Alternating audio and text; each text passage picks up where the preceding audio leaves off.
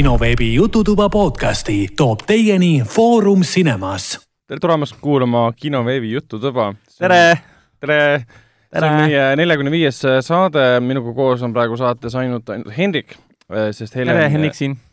tere, Hendrik! mina olen Ragnar. tore, meeldiv äh,. sest Hendrik, tähendab, Helen jäi, jäi haigeks ja seekord me peame siis filmidest ja seriaalidest rääkima ja, ja uue, uue nädala kinofilmidest rääkima kahekesi. Aga ma arvan, et me saame sellega, sellega hakkama või mis sa arvad, Hendrik? Twin Power. Twin Power, sul on, sul on täiesti õigus. annab meile jõudu ja energiat täpselt, sul on õnneks energiajook ka siin laual, et see annab ka natuke juurde energiat. kohe otsas, nii et mul on kahju, et ma kaks tükki ei ostnud. jah, mul on ka kahju, sest ma jõin sinu omast päris palju juba ära mm.. vot äh, ei pannud tähelegi, okei okay.. okei okay,, sorry. You will pay for it nagu okei okay,, okei okay., igatahes äh, enne kui läheme edasi, siis äh, kõik kinoveebi Jututoa saated on leitavad Delfi taskus, SoundCloudis, Apple podcastis, Spotify's, Google podcastis ja kõikides teistes äh, podcasti rakendustes.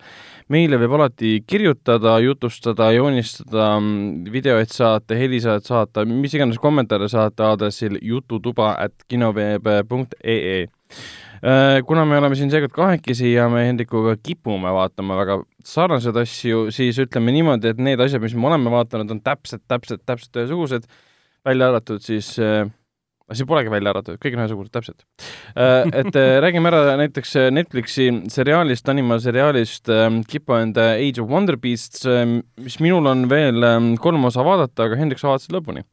aa, sul on vaat-, aa, ma mõtlesin, sa lõpetasid ära juba ei ole veel lõpetanud. minu jaoks oli see Kipo and the Age of Wonder Beast ehk siis DreamWorksi ja Stuudio Mirri äh, uus, uus äh, animaseriaal, ta oli nii, nii sõltuvust tekitav mm, -hmm. et ma lihtsalt ei suutnud teistmoodi. ma mõtlesin küll, et jätaks kuskile pausi, et vaata, kui sa avastad kümneosalise seriaali Netflixis, mis sulle väga-väga südamesse läheb, nagu seda on Keepo and the Age of Wonder Beast minu mm -hmm. puhul, siis sa nagu ühel hetkel taj-, tajud, et äkki võiks viienda või kuuenda episoodi puhul nagu pausi teha ja siis nagu lõpuni nautida hiljem. nüüd on põhimõtteliselt mul selline, niisugune tunne, et ma üks õhtu mõtlesingi, et äkki vaataks uuesti ja aga pigem on see vabadus, et sa vaatad uuesti, jah? jah aga, aga endale mingi reeglid peale panema, et sa meelega vaatad ühe kahekümne viie minutilise episoodi iga nädal eraldi. eks see teine hooaeg tuleb ka mingil hetkel, aga lihtsalt äh, praegu on niisugune tunne, et äh, tahaks veel ja tahaks veel, ma oleksingi peaaegu pannudki kipu peale, aga siis ma hakkasin hoopis Final Space'i vaatama, aga sellest räägime natuke hiljem äh,. mina vaatasin lõpuni, jah, sina oled siis äh, seitsmenda? kaheksanda episoodi juures. ma olen okay. selle episoodi juures, kus äh, vee äh, ah, veevaim võttis nüüd enda kaisu. jaa, see oli päris äge episood. väga, väga kihvt. sa oled lõpuni juba või alustasid praegu? see jäi mul pooleli. okei okay. aga jaa, Kipo, vaata, miks ma mainisin Stuudio Mirri, Stuudio Mirr on siis see Lõuna-Koreas äh, paiknev äh, animastuudio, kes mm. siis animeeris Keep on Days of Wonder Beasti koos DreamWorks äh, Animationsiga uh,. miks ma Kipot main-, miks ma Mirri mainin, sellepärast et Mirr on väga tuntud uh, selle poolest, et ta just nimelt teebki väga paljusid äh, USA animaseriaale mm, -hmm. animeerib neid ja üks tuntumaid on kindlasti see Avatar The Last Airbenderi järjeseriaal Legend of Korra. ja, ja, ja, ja täpselt, täpselt. muidugi Kipol ongi see äh, Nickelodeoni selle Korra niisugune stiili maik juures, et kui sa seda vaatama hakkad, sa tajud, et see on sarnaselt, sarnase nagu stiliseeringuga animeeritud ka jah, täpselt, sa tun-, tunned ära selle stiili, sest Mir on ka teinud The Boondocksi mm, mida ma pole näinud, aga see on, ma saan aru, et väga populaarne asi, mida kõik fännavad. Boondocksiga seondub mul ainult, seostub mul ainult äh, Boondock Saints? Boondock Saints, jah. Never forget, kui hea see oli. ja samamoodi nad on teinud ka niisuguse asja nagu Young Justice Outsiders. aa, see on see DC asi, jah? jaa, põhimõtteliselt küll. Justice nii-öelda mis on siis noor, noor, noor Justice League või? noorem versioon. noor õigluse, õigusliiga, selge. aga Keepot ma ei jõua ära kiita ära kiita, täiesti fantastiline seriaal.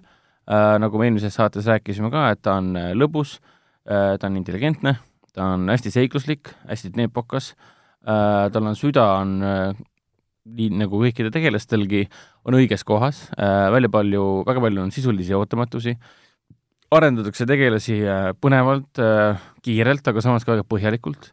Äh,, selline äh, kauge, kauge postapokalüptiline tulevik, mis siin äh, selles seriaalis kujutatud on, äh, ei kõla üldse nii hirmsalt, nagu see sõna postapokalüptiline võiks äh, no, see kõlada. viitab tavaliselt mingile Mad Maxi tegelikult kus on hulle inimesi täis ja tapetakse kogu aeg. tegelikult on pigem see, et lihtsalt äh, inimkonna ajajärg planeet äh, maa pinnal sai äh,, sai läbi ja, ja selle võtsid üle. ja loomad võtsid üle. jah, ehk siis äh, hiiglaslikud äh, muteerunud äh, tavalised loomad äh, ja intelligentsed äh, loomad, kes siis tänu sellele, kuidas seda nimetagi, suur, suur mingisugune mutatsiooni äh, Jaa, laine enam- tabas maailma, ehk siis põhimõtteliselt sinu, sinu kodukass, järgmine põlvkond oli juba kahel jalal kõndiv intelligentne kiisumiisu, kes on näiteks äh, palgamõrtsukas või ja, ja kannab pintsakut. ja kannab pintsakut. Või siis nagu need konnad, kes siin on. see konna, kusjuures see konna teema oli, aa, aa, sa oled kaheksandas jaa. no see konn tuleb tagasi veel mul on ühe korra kond juba tagasi tulnud, oli huntide episoodis. jaa, mulle, mulle see konna teema väga meeldib, tema, ta, tema see karakterikaar, see arc või character arc, karakterikaar on väga põnev. ta meenutab mulle veits, veits nagu mingit, mingit äh, Last Airbenderit isegi Mm. veidi. aga noh, ma ei hakka nagu ära peale spoilerdama midagi, mida ma tegelikult juba tegin, kui sa oled noh, avatari näinud, siis tead, mis see tähendab. No jah, I never speak of this again, aga seriaal on tõesti, ta on väga värviline, ta sobib absoluutselt äh, kõigile, mis tahes vanuses sa oled, olgu sa siis äh, kaks, kolm, neli või siis äh, viiskümmend viis, kuuskümmend viis või kaheksakümmend viis, sobib igale, igale inimesele avatud mõttemeelega, sest ta on väga progressiivne seriaal, ta on väga tänapäevalik seriaal, aga ta sõltumata sellest, et ta võtab kätte noh, tänapäeval olulised teemad, meie ühiskonnas võtab kätte ja kasutab neid, aga ta ei tee seda niimoodi, et näe, siin on oluline progressiivne teema, see on nüüd hästi tähtis, me surume sulle seda näkku, seda ei, siin ei ole. kõik on hästi loomulik, kõik on hästi loogiline, põhimõtteliselt kui sa vaatad, siis sa ei pruugi isegi silmagi pilgutada mingite teema Mm. tõstatamise peale nii-öelda. okei okay,, that's natural, loogiline, kindlasti ei tasu Toimib. unustada, et ta on väga musikaalne. jaa, see on muusikalises mõttes on ta nagu nii lustlik, et ma praegu ka siin äh, pärast hooaja lõppu lõpetamist olen pidevalt äh, Spotify's kuulanud äh, ametlikku soundtrack'i. et väga head lood on.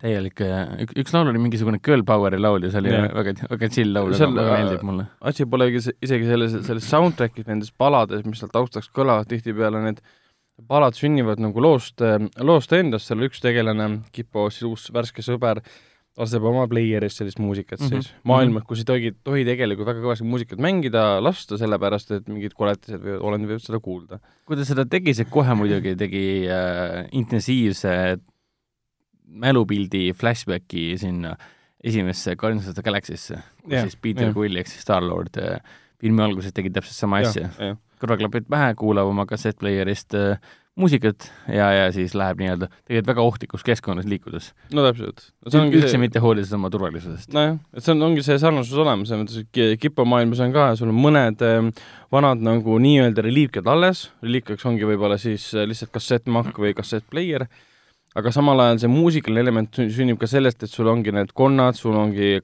kassid, sul on siis maod, kes kõik on kas rokkarid, muusikud, folkmuusikud, no need ja maod olid jumala ägedad. ja tihtipeale- sa ütled, hundi episood oli kaheksas, eks? jah, Need Newtoni hundid või? jah, jah, Newtoni hundide räpp, jah, jah, räpp. seda räppi nägid siis või? jah, seda ma nägin, jah. see oli seitsmes siis ju? see oli seitsmes episood. ja, ja see Newtoni räpp, ma olen seda mitu korda uuesti kuulanud, see kõlab nii hästi. ja see kõik lood, laulud on väga hästi kirjutatud kogu selle nagu seriaali konteksti mõttes ja niisama väga palju tööd on sinna lood. jaa, ja üldse ongi see, sul ongi see moment, et kas sa vaatad nagu mingit muusikali, et nagu see oleks nagu Grease, kus kaks mingit vastandlikku osapoolt saavad kokku, aga selle asemel, et üksteisega reaalselt kohe nagu võitlema hakata, nad teevad nagu lihtsalt play-off'i, kus nad mängivad kitarrduellit või mis iganes, et see on ja päris nagu mingi West Side Story, et kuule, hakkame kaklema, ei, tantsime ja laulame samal ajal. jazz hands ja kõik see, et äh, see on tõesti jaa, selles mõttes, et äh, mu- muutis minu aasta alguse kohe nagu ilusamaks, sest midagi nii toredat näha. rõõm kuulda.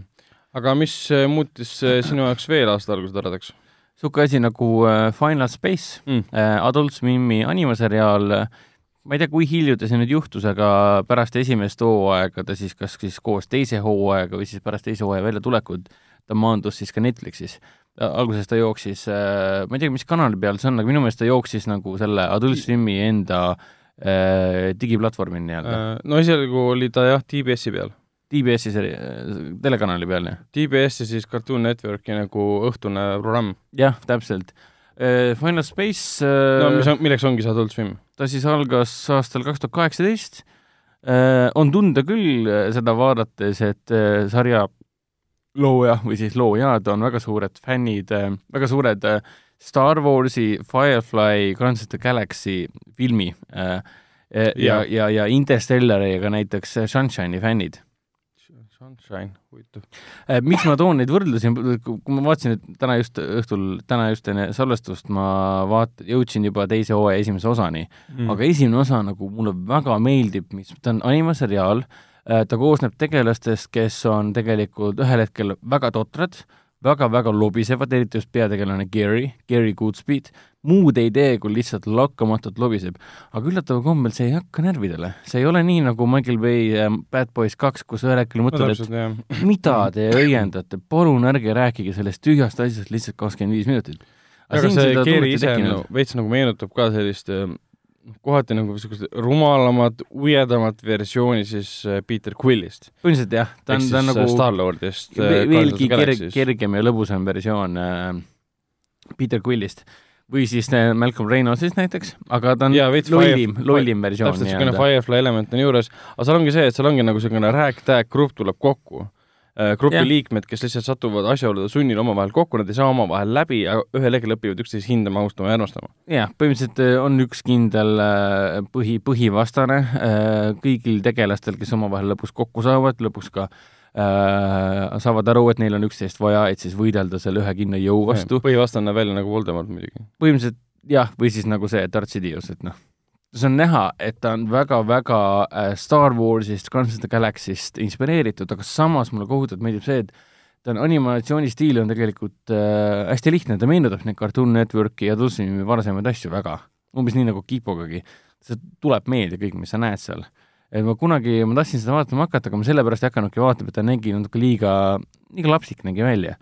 aga see on näha, et sarja loojad äh, justkui ta on, ühelt poolt on ääretult tõsine äh, ulmeseiklus, nagu näiteks Interstellar ja Sunshine mm. -hmm. ja teisest küljest on ta ääretult tore, armas, südamlik äh, ja, ja, ja niisugune ääretult lõbus, nagu seda on Guardians of Galaxy ja Firefly ja Star Wars. Ehk siis äh, hämmastav, kuidas selline kaks äärmust nii-öelda kokku on pandud ja see toimib niivõrd hästi et mulle, mulle see stiil väga meeldib, et kui sul on äh, hullud äh, lobisevad ja tülitsevad ja, ja lõbutsevad tegelased, kes teevad midagi väga-väga ohtlikku ja eluohtlikku ja samal ajal on taustaks mingi räme emotsionaalne, dramaatiline space muusika. ja siis sa vaatad, et kuidas sihuke asi kokku saab minna, sest see ei peaks ju töötama, aga see töötab imeliselt hästi. Ja põhimõtteliselt, kui sa tahad näha mingit eriti erutavat uut ägedat äh, ulm, kosmilist ulmeseiklust, eriti nüüd, kui äh, Avengers Endgame on läbi ja Guardians of the Galaxy kahe, kolmeni on veel aega päris palju ja Thorini on veel aega ja nii edasi. Firefly taaselustamiseks käivad väiksed jõulu, kuulujutud. et kui see peaks nüüd ellu ärkama, Firefly äh,, siis, siis sinna läheb ka veel aega, siis Final Space'i kaks hooaega nagu täielik augu, ta ei ole isegi augutäide, vaid ta on uus, sinu uus südamesõber, sinu uus südame arm-, su, suurim armastus minu südamesse poeb põhimõtteliselt kohe pärast Keepot. et kui on mingi anima või äh, fantaasia või siis äh, sci-fi järgi suur janu, siis no kohe Kipo ja siis Final Space üksteisele otsa, väga hästi sobivad kokku.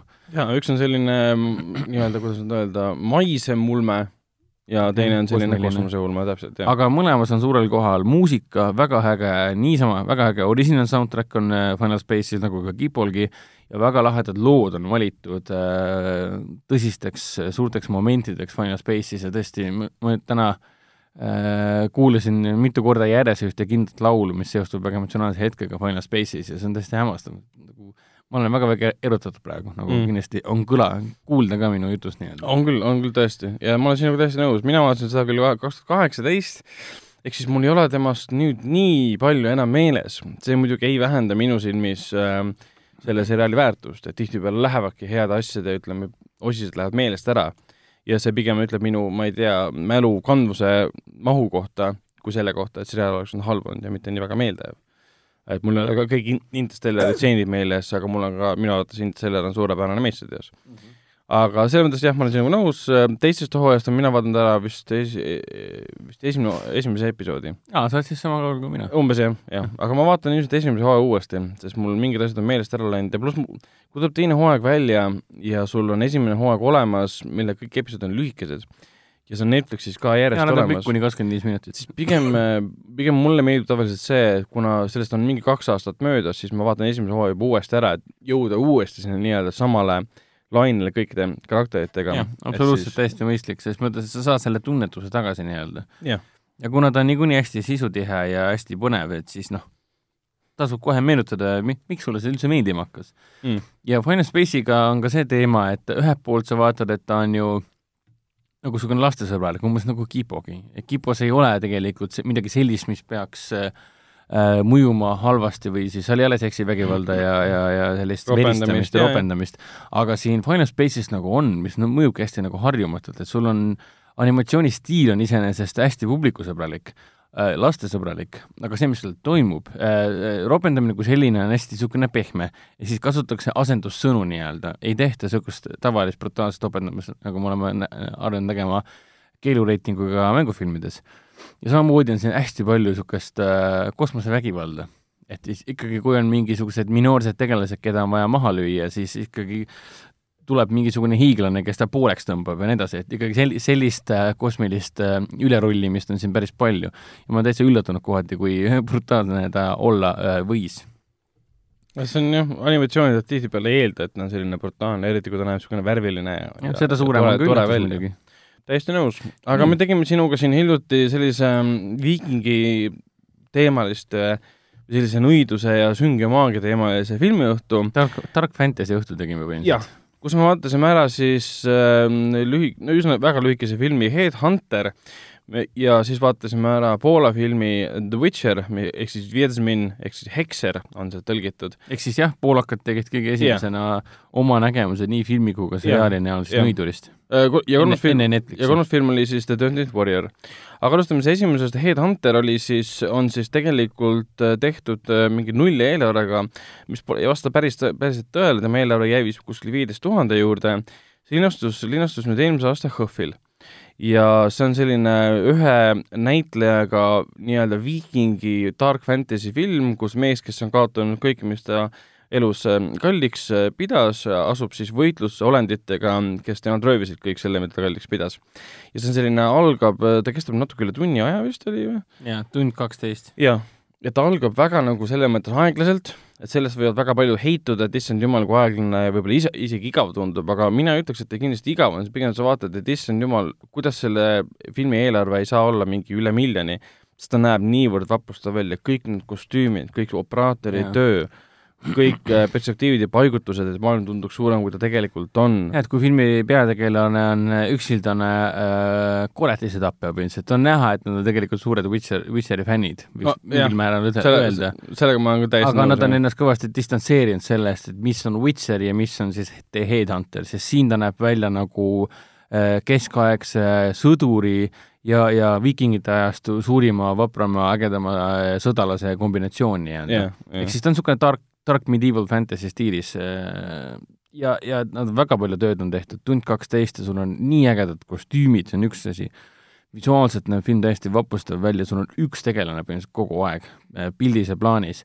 ja, ja ta muidugi struktuuri poolest on ta hästi üllatav, sest ähm, kui algus tundub natukene pikale venivat, siis, siis tasub sellest kindlasti üle saada, sest teine pool filmist võtab väga ootamatud pöörded ja ta läheb isegi sinna niisugune äh, poolnaljaka, poolveiderdava B-filmi äh, stiili isegi võib öelda mm. -hmm. sest see, mis seal lõpus toimub, on tegelikult täiesti harukordselt napakas, aga samas hästi tõsine, hästi veider ja hästi-hästi veid-, hästi friiki, veider. kohati oligi- nii veider lihtsalt. sa ei ootaks nii tõsisest filmist sellist veidrat lõppu. jah, ütleme nii, see filmil oli alati oht muutuda naeruväärseks yeah. kuna vähe raha ja noh, raha vähesus ja siis paljud sellised, sellised kostüümivaliku nagu otsused võivad viia selleni, et see, et sa üritad midagi võimalikult äh, tõsiselt kujutada, võib ikkagi välja kukkuda naljakalt, aga siin seda õnneks ei tekkinud. Ja see sündis puhtalt tänu sellele, kuidas ta oli filmitud, et ta oli peidetud, ütleme, võitlused olid peidetud kas pimedusse või kaadrist väljast jäetud. see oli ka esialgu päris naljakas see, kuidas võitluseid eh, peideti, sõna otseses mõttes sul tegelane filmi alguses kõnnib kaadrist välja, me kuuleme, kuidas ta võitleb mingi olendiga ja kõnnib kaadrisse tagasi. jah, see mõjus tegelikult, see oli ka ainus miinus, mis ma leidsin filmi juures, sest äh, alguses me ju näeme lihtsalt nagu koletise küti igapäevaelu, kuidas ta käib küttimas, kuidas ta saab kutset küttida ja nii edasi, et noh, klassikaline.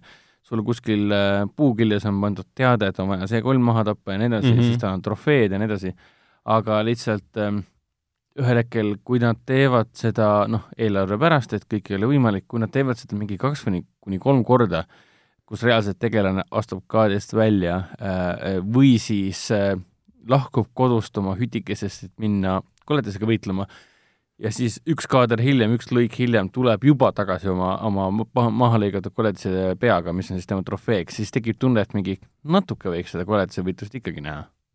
kuigi noh, see oli arusaadav, miks see oli niimoodi, ühelt poolt see oli kunstiline otsus, teiselt poolt see oli noh, rahaline otsus, ja kolmandalt poolt oli lihtsalt see, et lõpus me näeme kõik selle ära, me saame kõik selle lahingud ja rõvedused kätte olendite näol.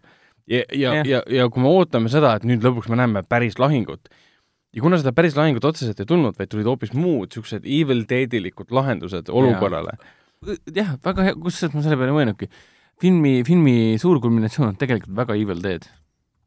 Ta muutub selliseks Sam Raimi, varajase Sam Raimi stiilis äh, äh, napakalt naljakaks nii-öelda ja samas hästi tõsiseks ka, tõsine ja verine. Sam-, ja mulle meeldib ka see, et äh, filmi lugu on tegelikult hästi tõsine, sest äh, noh, point seisneb selles, et tema armas tütrekene on koletise tõttu surma saanud ja nüüd ta põhimõtteliselt maksab kätte kõikidele koletistele, mitte ainult sellele ühele no,, selle eest, et tema tütre rööbisid. ja siis selline, selline, selline, kuidas seda öelda, vajadus äh, tõestada, et ta suudab seda teha, muutub nii-öelda äh, sõltuvust tekitavaks tema jaoks ja ta millegi muule ei suudagi mõelda ja siis see lõpuks maksabki talle endale kätte. ehk siis see on see küsimus, et kui sügavale, kui sügavale kättemaksuihasse sa võid langeda, enne kui sa hakkad lõpuks valgust uuesti nägema mm.. et väga tõsine film. soovitan selle filmi mm, üles otsida ja kindlasti ära vaadata, et võib-olla osad meie kuulajatest nägid seda eelmise aasta HÖFFil seal kahjuks oli, mina mäletan, me, me ei saanud siis filmi lõpuni vaadata, me läksime seda vaatama, aga jätsime pooleli puhtalt sellel põhjusel, et HÖFFil oli ähm, filmi esitluse käigus siis tekkinud, tekkinud viga, kus näidati küll filmi õiget äh, versiooni, aga näidati versiooni, kus olid osad heliread puudu. mis tähendas seda, et muusika oli kõik olemas, aga kõik olustikuhelid, helid, mis tekivad siis, kui sa kõnnid äh, äh, puupõrandal, helid, mis tekivad siis, kui sa tõstavad mingeid anumaid või paned kostüümi selle, kõik need helid olid puudu. ja isegi need vähesed kohad, kus tegelane räägib, ka need olid puudu. siis me ei suutnud edasi vaadata ja jätsime filmi pooleli, et väga paljud, ma mäletan, vaatasid filmi lõpuni ja pärast rääkisid mulle, et arvasid, et nii pidigi olema, me olime vist vähesed, kes said aru, et oh, see on tehniline praak, et see nüüd nii kunstifilm ka ei ole, et siin võetakse heliread ära. see oli, äh, ütleme nii, et juhuslik viga lihtsalt, mis kogemata no seda tekkis. juhtub, seda juhtub tõesti. et noh, see on see, kui filmitegija saadavad sulle koopia ja, ja sa, kui sa tõesti ei jõua seda korralikult kontrollida ja film on ise ka spetsiifilise mm. helidisainiga, sa vaatad esimest veerand tundi testimiseks mm., kõik tundub jumala okei okay aga kui sa tervet filmi läbi ei vaata, siis avastad seda, et mingi okei okay,, siin on mingid helikanalid täiesti puudulikud, ehk siis koopia on vale. no seda ei pruugi tähele panna, siis sa eeldad, et filmitegija saadab õige versiooni. kui indie-filmi tegija sulle saadab, siis sa arvad, et see on ikka hoole armastusega saadetud ja kontrollitud ja kõik see sekkumisi ka. absoluutselt, aga sellele vaatamata jah, tasub see filmi üles otsida ja neile maksta selle eest, et see ära vaadata, siis see on seda väärt. aga sellel tasandil me läksimegi kohe Poolasse jah, vaatasime ära Witcheri filmi, et nüüd, kus tuli Witcheri Netflixi seriaal The Witcher, kus on siis Henry Cavill peaosas, Äh, siis võtsime ette ka varasemad Witcheri filmi ja on, on olemas ka seriaal. nimelt siis Netflixi Witcheri seriaal pole esimene ekraniseering Andrei Sapkovski Witcheri maailmast. et jah, on tehtud videomängud, aga kaks tuhat üks tegid poolakad ise siis filmi, mis kestab kaks tundi, natuke üle kahe tunni, ja nad tegid kaks tuhat kaks, lasid välja siis veel kolmeteistkümnes episoodist koosneva seriaali, mille nimi on ka Hekser, ehk siis The Witcher, ehk siis äh, poola keeles ma nüüd täiesti nagu hävitan poola keelt, aga Wiedźmin, midagi laadset. Ametlikult, ametlikult ma saan aru, et uh, noh, ingliskeelseks oli ta mõeldud hekserina ja poola keeles on ta siis Wiedźmin. jah, täpselt. ja nüüd uh, Witcherist on see And-, Andrei Sapkovski romaanidest ongi tehtud siis kolm ekraniseeringut kokku, on uh, poolakate ühe sama stuudio, samade näitlejate poolt tehtud film ja seriaal ja siis Netflixi oma um, filmi point tegelikult tundus olevat see, et ta lasti kaks tuhat üks teles välja ainult sellepärast, et promoda seriaali ja ta oli kokku pandud seriaali erinevate episoodide tseenidest ja sellest oli üritatud kokku panna üks terviklik film.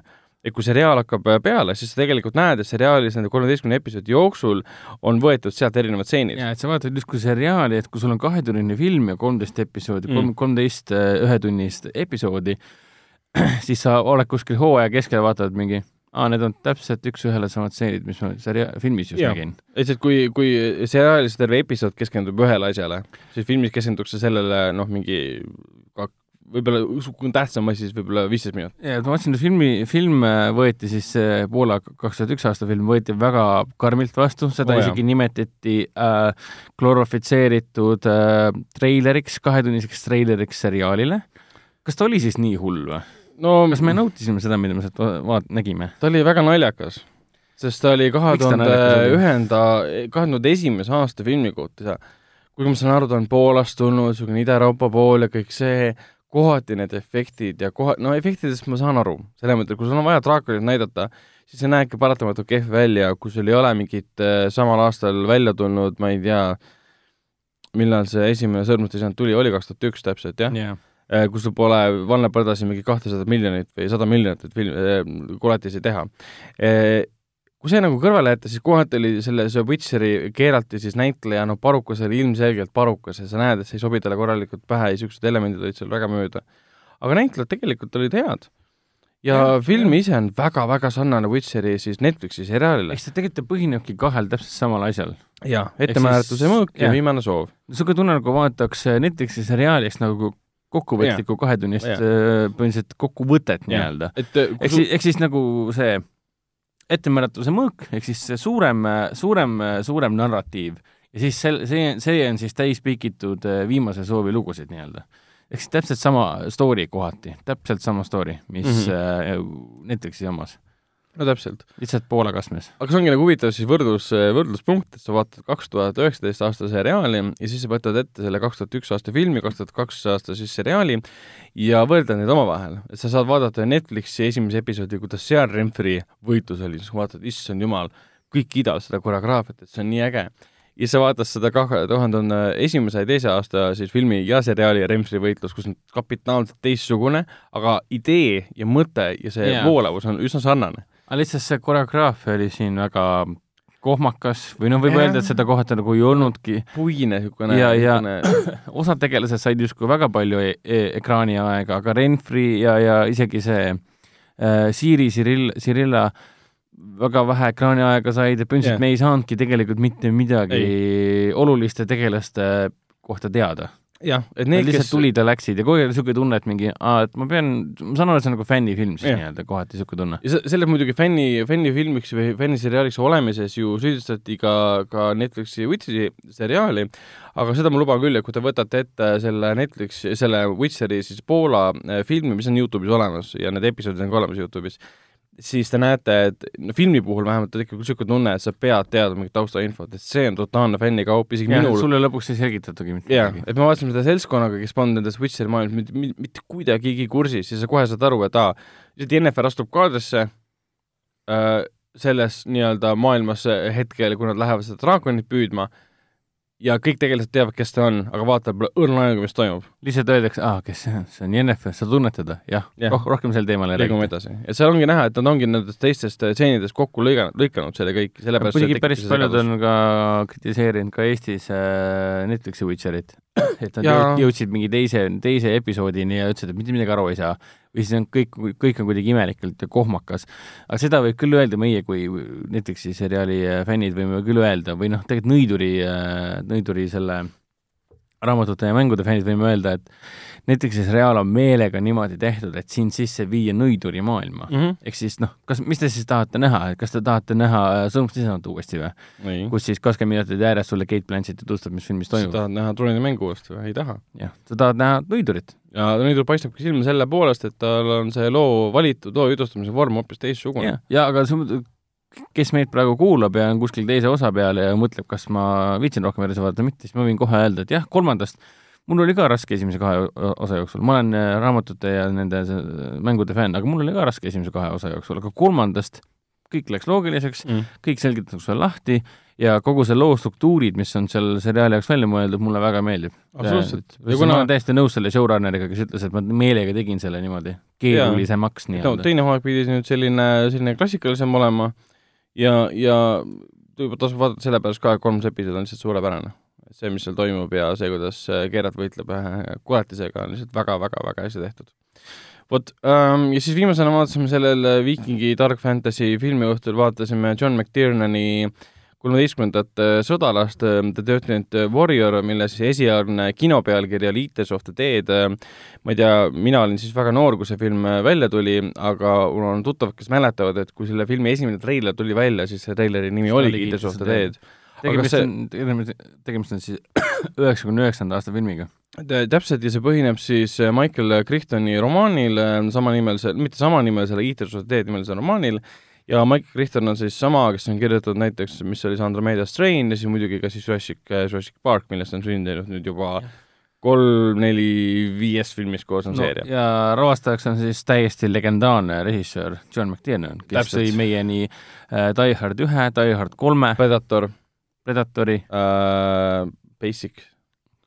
Basic, Basic oli jumala, ma ei mäleta enam mitte midagi. see on see Travolta film Äh, John McTiernan äh, läks äh, vahepeal sinna erinevate kuritegude eest vangi ja nüüd vaikselt teeb oma uut ulmefilmi, tema viimane film oligi äh, oligi Basic, mis oli kaks tuhat aasta alguses, et ehk siis ta ei olegi viimased mingi kaheksateist, seitseteist aastat ühtegi filmi, ühtegi filmi teinud. aga samas eh, lisaks klassikutele ta tõi meile ju eh, Schwarzeneggeriga selle Last Action Hero. õigus, täpselt, jaa. ja, ja siis muidugi ka see Hunt for the Red October koos ja, äh, Sean Connery ja, ja, ja, ja täpselt, et ta on ikka, ta on teinud väga, väga, väga mõjukaid Hollywoodi filme, mis on muutnud seda, kuidas tehakse koletisefilme, kuidas tehakse märuleid ja kõike seda ja noh, sõltumata sellest, et äh, Dirty Warrior, eestikeelsele kolmeteistkümnes sõdalane yeah. äh, põrus üheksakümne üheksandal aastal kinoklassides no, kasvades meeletult. see oli ikka harukordne põrumine. kõik äh, filmitegijate äh, suurimad soovid läbi lüüa Hollywoodis põrusid, välja arvatud siis Antonio Banderasel, kes oli filmi peategelane mm., äh, režissöör ja produtsent, ehk siis režissöör John McTiernan ja produtsent ehk siis raamatu autor Marge Krihton läksid omavahel tülli yeah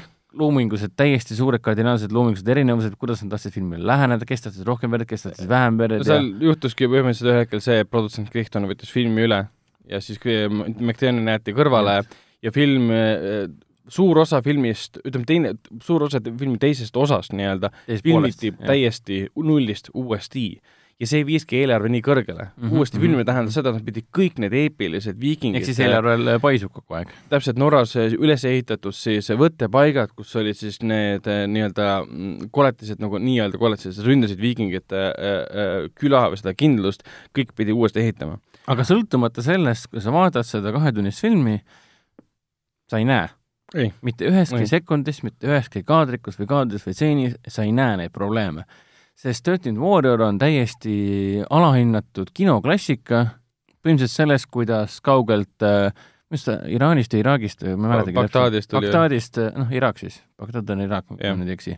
ehk siis Antonio Banderas kehastab äh, äh, Araabia sellist, sellist poeeti, luuletajat, kes siis erinevate asjaolude tõttu pagendatakse ja teda sa saadetakse põhimõtteliselt karistuseks äh, parasjagu Araabia maades ringi liikunud äh, viikingite juurde, võtavad ta kaasa lähevad koos põhimõtteliselt kaugele, kaugele, kaugele põhja, seal mm, -hmm. kus on põhimõtteliselt kardinaalselt erinev maailm äh,. araablane yeah. kaugest äh, kaunist kollasest äh, päikesest ja kõrbest satub siis külma, märga äh, ja karmi ja sellise karmi. mitsistunud maailma, et see ongi huvitav, see vastandus tekitatud, et Araabia maad olid ja noh, on mingil kujul veel aga kui me räägime siin nagu suurtest tippajal olid nad ju nii-öelda noh, kui me räägime inimkonna kantsid nii-öelda. kõrgtsivilisatsioonidest, Araabia maad kuulusid kõrgtsivilisatsiooni ja see ongi kokku pandud see, kui Madeirase karakter, kes on küll hispaanlane näitlejana, siis ta mängib seda ülimalt valgustatud intelligenti, kes tuleb siis ülimalt metsistunud meeste keskele, kes kõik seal peeretavad, oksendavad, ropendavad, peksavad, tapavad mm.,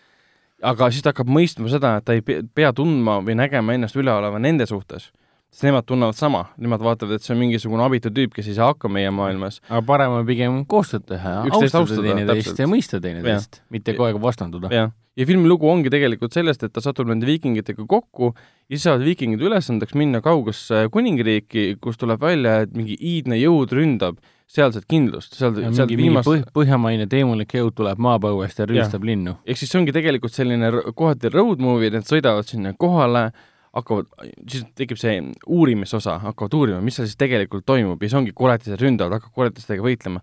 siis nad saavad teada, mis need koletised tegelikult on, lähevad nendega uuesti võitlema ja seal on nagu final stand moment samamoodi. et meie seda lapsepõlves nägime lugematutel kordadel, aga ma ei saaks öelda, viimase kümne aasta jooksul oleksin filmi uuesti näinud ja hullult lust oli vaadata, sest Jah. sul on see film nagu täiesti nagu ajukoorde salvestatud mm.. et lust on vaadata osasid stseene, mis on nagu, nagu, nagu, nagu tsitaadid, mis on alati meeles. stseenid mõjusid nagu tsitaatidena. kui see stseen algab, siis see on mingi, aa jaa, see on see tseen no no,, kui äge see on., ja lavastuslikult on hästi suur projekt selles mõttes, et ta tohutu suured võttepaigad, tohutu suured viikingite majad, kõik need külad hooned, kostüümid ja need, need nii-öelda see tume vastik äh, teemulik jõud, kes ära Mm., ära midagi ütle täpselt, mis selle kohta on, mille vastu nad võitlevad, lahingutseenid, see müstika, see müsteerium, see, see tume, tume kõhe fantaasia mm., see seikluslikkus, see vaprus ja, ja nagu viikingi, eepilise viikingi fantaasiana on see nagu väga äge film. ja, selliseid filme pole rohkem tehtud, selle koha pealt äh, äh, on kindlasti tehtud, aga kinofilmidena pole väga palju olnud ja videomängudes me oleme siin küll näinud, et God of War'i, mis on puudutanud sama äh, maailma läbi küll fantaasia selles aga mis meil siin muidu ikka on, mingi Nicolas Winding Refni see Valhalla Rising on meil olnud, mis oli suurepärane film art,. arthouse film tegelikult, nojah, siis oli selle Karl Urbaniga see Pathfinder, kus ta seal võitles viikingitega. see oli okei okay film. aga need on ka mingi aastaid-aastaid tagasi, et Nii. peavoolu hetkeseisuga viikingi žanri kui sellist ei eksisteerigi. Ja veel vähem- filmide hulgas. ja veel vähem, täpselt, ja veel vähem ajaloolist, ajaloolist seiklusfilmi, kus oleksid Araabia maadest pärit tegelased. jah, täpselt. aga praegu on sul Netflix täis äh, Vikingsit ja, ja Norsemani komöödiat ja tõsist asja, et põhimõtteliselt seriaali vormis näed seda viikingide söögi alla, söögi peale. kinos mitte, aga igal pool mujal kindlasti ja Dirty Warriori suhtes jaa, et see on, ma olen sellest korra juba rääkinud ka siin saates, kui ma ise seda hiljuti uuesti vaatasin, et seal ongi mitmed mõjukad momendid, et ähm, kuna McTiernan tahtis rollidesse saada võimalikult autentseid inimesi, siis ta jah. palkaski sinna venelasi, ta palkas sinna norrakaid, sõitsid reaalselt Skandinaaviasse kohale, tegid seal casting uid britid, šotlased, iirlased ja nii edasi. ja lä- läbi Dirty Warriori sündiski see idee, et äh, viikingid hakkavad, hakkasid enamjaolt kehastama, kehastama kas siis venelased, iirlased või siis šotlased ja siis tekkiski see idee, et tegelikult viikingid rääkisid šoti viiri aktsendikas ja fil-, filmid tekitasid sellise mulje läbi nüüd Hollywoodi seriaalides samamoodi, miks sa vaatad näiteks seda National Geographicu siis seda Vikings seriaali, History Channel. History Channel tähendab, mis on siis olemas ka Netflixis, kus kohati on ka tegelastel lihtsalt räiged šoti aktsendid. jaa, see Travis Fimmel seal no. esimestes hooaegades, ta ju räägib põhimõtteliselt äh, ta, tal on mingi kiiri või mitte midagi. mingi stiilses mingisuguse briti mingi käändes, mingi imelik, imelik, imelik hääl tema juures on mi, mis see siia puutub selles mõttes, aga see on see, kui üks film tekitab sellise mainstream kallaku, et niimoodi kujutatakse, siis vaataja harjub sellega ära.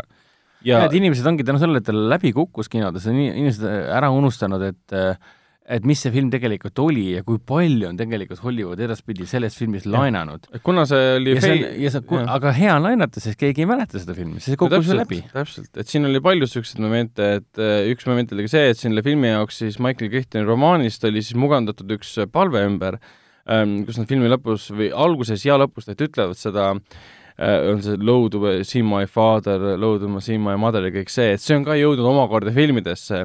Ja God of War'i näiteks videomängu ka aastast kaks tuhat kaheksateist, kus neid tihtipeale esitatakse kui, et see on autentne äh, siis ähm, viikingite palve, mis on lihtsalt tegelikult filmi jaoks välja mõeldud. Ja teine legendaarne tseen on kindlasti see, kus siis Banderas ei oska viikingite keelt, mis, milleks on siis norra keel äh, äh, või erinev, segud sellest dialektid ja kus ta ei saa sellest keelest aru ja lihtsalt veedab aega niimoodi, et ongi pikk stseen, kus ta ongi nagu öö otsa kuulab neid ja kuulab, kuulab nii kaua, kuni ta oskab nende keelt. et see on lihtsalt vap-, vapustav viis, kuidas teha see üleminek, sest esimene, esimesed kakskümmend või kolmkümmend minutit filmist ongi tegelikult niimoodi, et Banderas räägib inglise keeles ja kõik teised räägivad norra keeles. Ja vaataja ei saagi aru, vaata, meil ei anta subtiitreid, me näeme, kõike näeme ju Banderase karakteri kaudu. Ja siis toimub see üleminek, kus Banderas, tähendab see, jah, Banderas saab aru, Ibn Falad, mis ta nimi oli, saab aru norra keelest, nad lähevad inglise keele peale üle, aga see tundub nii loomulik.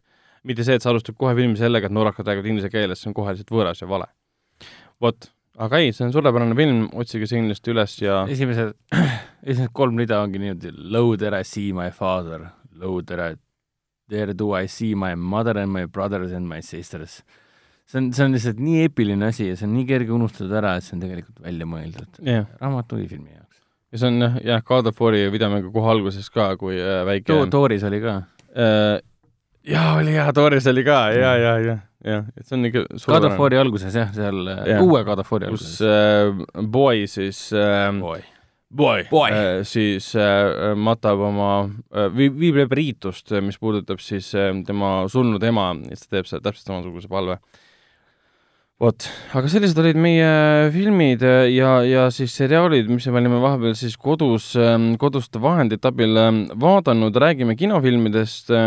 eelmisel nädalal alustasid siis kinodes Pahad poisid kogu elus, mis on siis muidugi Bad Boys kolm ehk siis Martin Lawrence'i ja Will Smithi mm, filmiseeria kolmas osa mida alustas siis Michael Bay esimese kahe filmiga, nüüd olid siis kolmandaks said, kolmanda puhul olid uus, uued, uued reisijad, reisijad duo. ja siis tuli ka Robert Downey Jr.'i doktor Doolittle, alustas ka väga edukalt Fred Jüssi olemise ilu, Jaan Tootseni dokumentaalfilm, siis ka animatsioon Fiksikud kravatite vastu ja siis tuli ka J. Äh, pommuudis äh, ja siis alustas ka siin kinos Artis Islandi äh, Islandi põnevik eh, Valge, valge päev ja Prantsuse film eh, Kaksikelu. Eh, meie vaatasime uutest filmidest ära Gentlemanid, mis on siis The Gentleman, mis on siis ähm, äh, Guy Ritchie uus äh, film ja siis vaatasime ära ka Little Women, väiksed naised, äh, mis need, nüüd sel nädalal alustas. jaa, et need kaks on siis üks, kaks paljudest, mis, paljude hulgast, mis tegelikult sellest nädalast siis, mis on nüüd kahekümne neljandast jaanuarist algasid kinodes. täpselt, et nendest uutest filmidest, mida oli kokku, mis nüüd kahekümne neljandal alustasid, oligi üks, kaks, kolm, neli, viis, kuus-seitse filmi äh, ja meie vaatasime neist ära siis, äh, siis kaks. aga ma mainin nii palju ära, et ma vahepeal vaatasin ka ära Pahad poisid kogu eluks, et sina, Hendrik, sellest juba rääkisid eelmine kord ja no, ma väga tahan kuulda, kuidas sulle meeldis või mitte. ja ma olen sinuga täiesti nõus.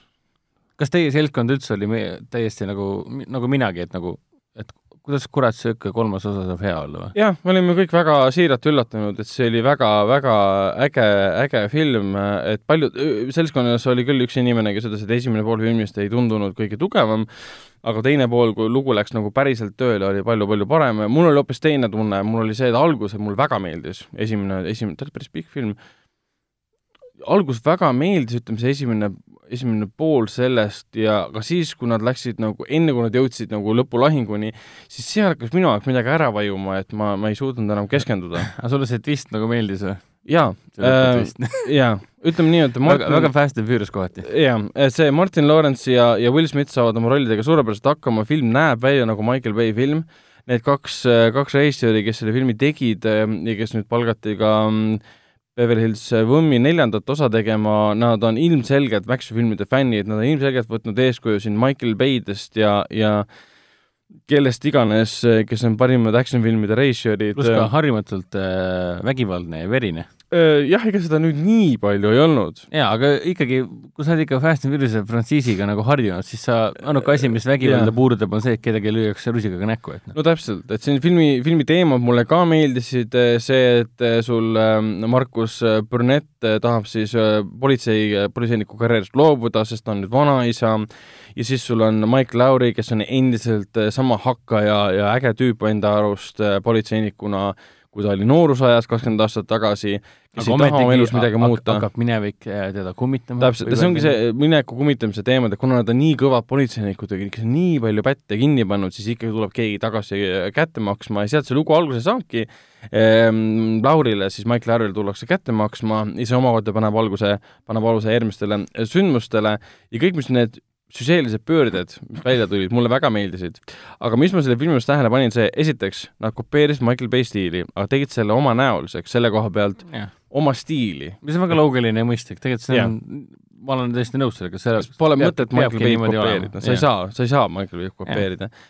ja teine asi oli see, et siin on ikka mingi ühised teemad ikka seoses selle perekonnaga ja, ja, ja ütleme sellised, me ei ole sõbrad, me oleme perekond ja, ja uued meeskonnad et me räägime siin nagu Fast and Furious One, one Last Time ja One Last Ride ja edasi. No,. täpselt, täpselt, et me räägime siin Fast and Furious'i Kiired vihased filmiseeria, ütleme, mõjudest äh, märulifilmidele, siis oli siin ilmselgelt see tunda, esiteks sul on äh, kaks vana äh, tegelast, aga siis tuleb uus meeskond sinna ja uue meeskonna hulgas on siis teatud äh, tüübid, kes on teatud äh, kindlate osiste või noh, elementide abil välja toodud, kes nad tegelikult ja on. ja kui tuleb nüüd neljas, viies, kuues, siis nad kindlasti hakkavad korduma needsamad tegelased no,. täpselt, ja siin aga samas sütune... ärgem unustagem, et Bad Boys esimene oli ikkagi ennem Fast and Furious frantsiisi algust. seda küll, aga seal ei olnud mingisugust family teemat, seal oli lihtsalt kaks tüüpi, kes armastavad üksteist, sest nad on ägedad. jaa, aga juba siis oli tal ju sellel Margus Brunettil oma ja, naine ja, ja ehk siis family, perekonnapea, perekonnamees versus ja. playboy aga see, kuna see vastandumine on alati olnud. jah, aga kuna siin on ka sõna otseses mõttes olemas lauatseen, kus kõik istuvad ukse äh,, laua, laua ääres ja söövad ja ütlevad ka mingi sõna family käib läbi, siis mul oli kohe nagu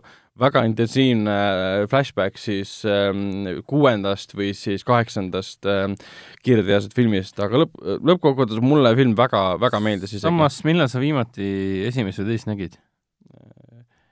tegelikult ma alles vaatasin suht äh,, nüüd kas eelmisel aastal alguses kuskil okay., äkki, äkki vaatasin uuesti. teine osa on endiselt tohutult nihilistlik, tohutult solvav, tohutult ropp, vägivaldne, liiga Michael Bay on liiga täiesti liiga Michael Bay, ja, ja esimene osa mulle meeldib oluliselt rohkem kui teine. aga kolmas võib öelda küll, et selle aasta no, action-filmide suhtes on nagu kinos vä- väga hästi alanud siis. absoluutselt täiesti nõus ja üllat-, üllatavalt hea, et Sony lihtsalt ei ole suutnud ära rikkuda ühte järjekordset seeriat, mida nad üritavad nagu taaselustada. sest ma mõtlesin kohe, et siis tuleb järgmine Mehed mustas. jaa, et kõige hullem asi, mida nad oleksid saanud teha, on lihtsalt palgata uued näitlejad nendesse rollidesse ja anda cameod siis äh, Martin Lawrence'ile ja Will Smithile, see oleks täiesti naeruväärne olnud. ja praegu on see, kuna see film on nii edukas olnud ja kriitikutele meeldib, ilmselt filmi tegid ise ja produtsendid, Sony ilmselt oli ka väga üllatunud sellest, siis nad, siis nad teevad juba ka, arendavad ka neljandat osa. et mina soovitan seda vaadata, see on lõbus, see on äge, siin on verd, kui on vaja, siin on, siin on suurt sõprust, mida ei suuda isegi hävitada kuulid, ütleme nii äh,. Jah, tõesti Nii. fantastiline. aga siis sa võtsid kätte ja vaatasid ka ära eh, kahekümne neljandal jaanuaril alanud Guy Ritchie nii-öelda tagasituleku eh, tema, tema žan-, lemmikžanrisse, millele, millele tema aitas kaasa, et rämedalt populariseerida jaa ja siis sa vaatasid ära ka Väiksed naised. räägi, räägi mulle siis Guy Ritchie'st, sest mina ei ole kumbagi filmi näinud. ah,, mina okay., mina istusin, istusin natuke Tallinnast eh, väljaspool ja ei õnnestunud kinno minna. Vot ma käisin, käisin sinu ees siis äh,. Gentleman'i puhul on jah, see on siis ma ähm,, Guy Ritchie esimene krimifilm, mille poolest ta tegelikult alguses nagu tuntust äh, kogunes, koguski selline modernne krimifilm pärast siis Rock n Rollat. ja Rock n Rolla, kui ma nüüd ei eksi Äh, oli viimane kaks tuhat kümme või? ei olnud, kaks tuhat kaheksa või midagi. võin eksida. ta ei, enne kaks tuhat kümmet tuli välja minu arust. Et vahepeal oli siin teinud ju selle kaks tuhat kaheksa jah, see on mingi üksteist aastat kaksteist aastat et pärast äh, Rock n Rollat tal äh, oligi, kas tal oli mingi paus oli siis või? tal tuli see King Arthur ähm, Legend of the Sword, King Arthur mõõgalegend tuli välja, mis kukkus kinodes. ja ta tegi ju pärast Rock n Rollat ta tegi ju Sherlock Holmesi. õigus, jaa, Sherlock Holmes. vot Sherlock Holmesid mulle väga meeldivad, esimene ja teine on suurepärased filmid.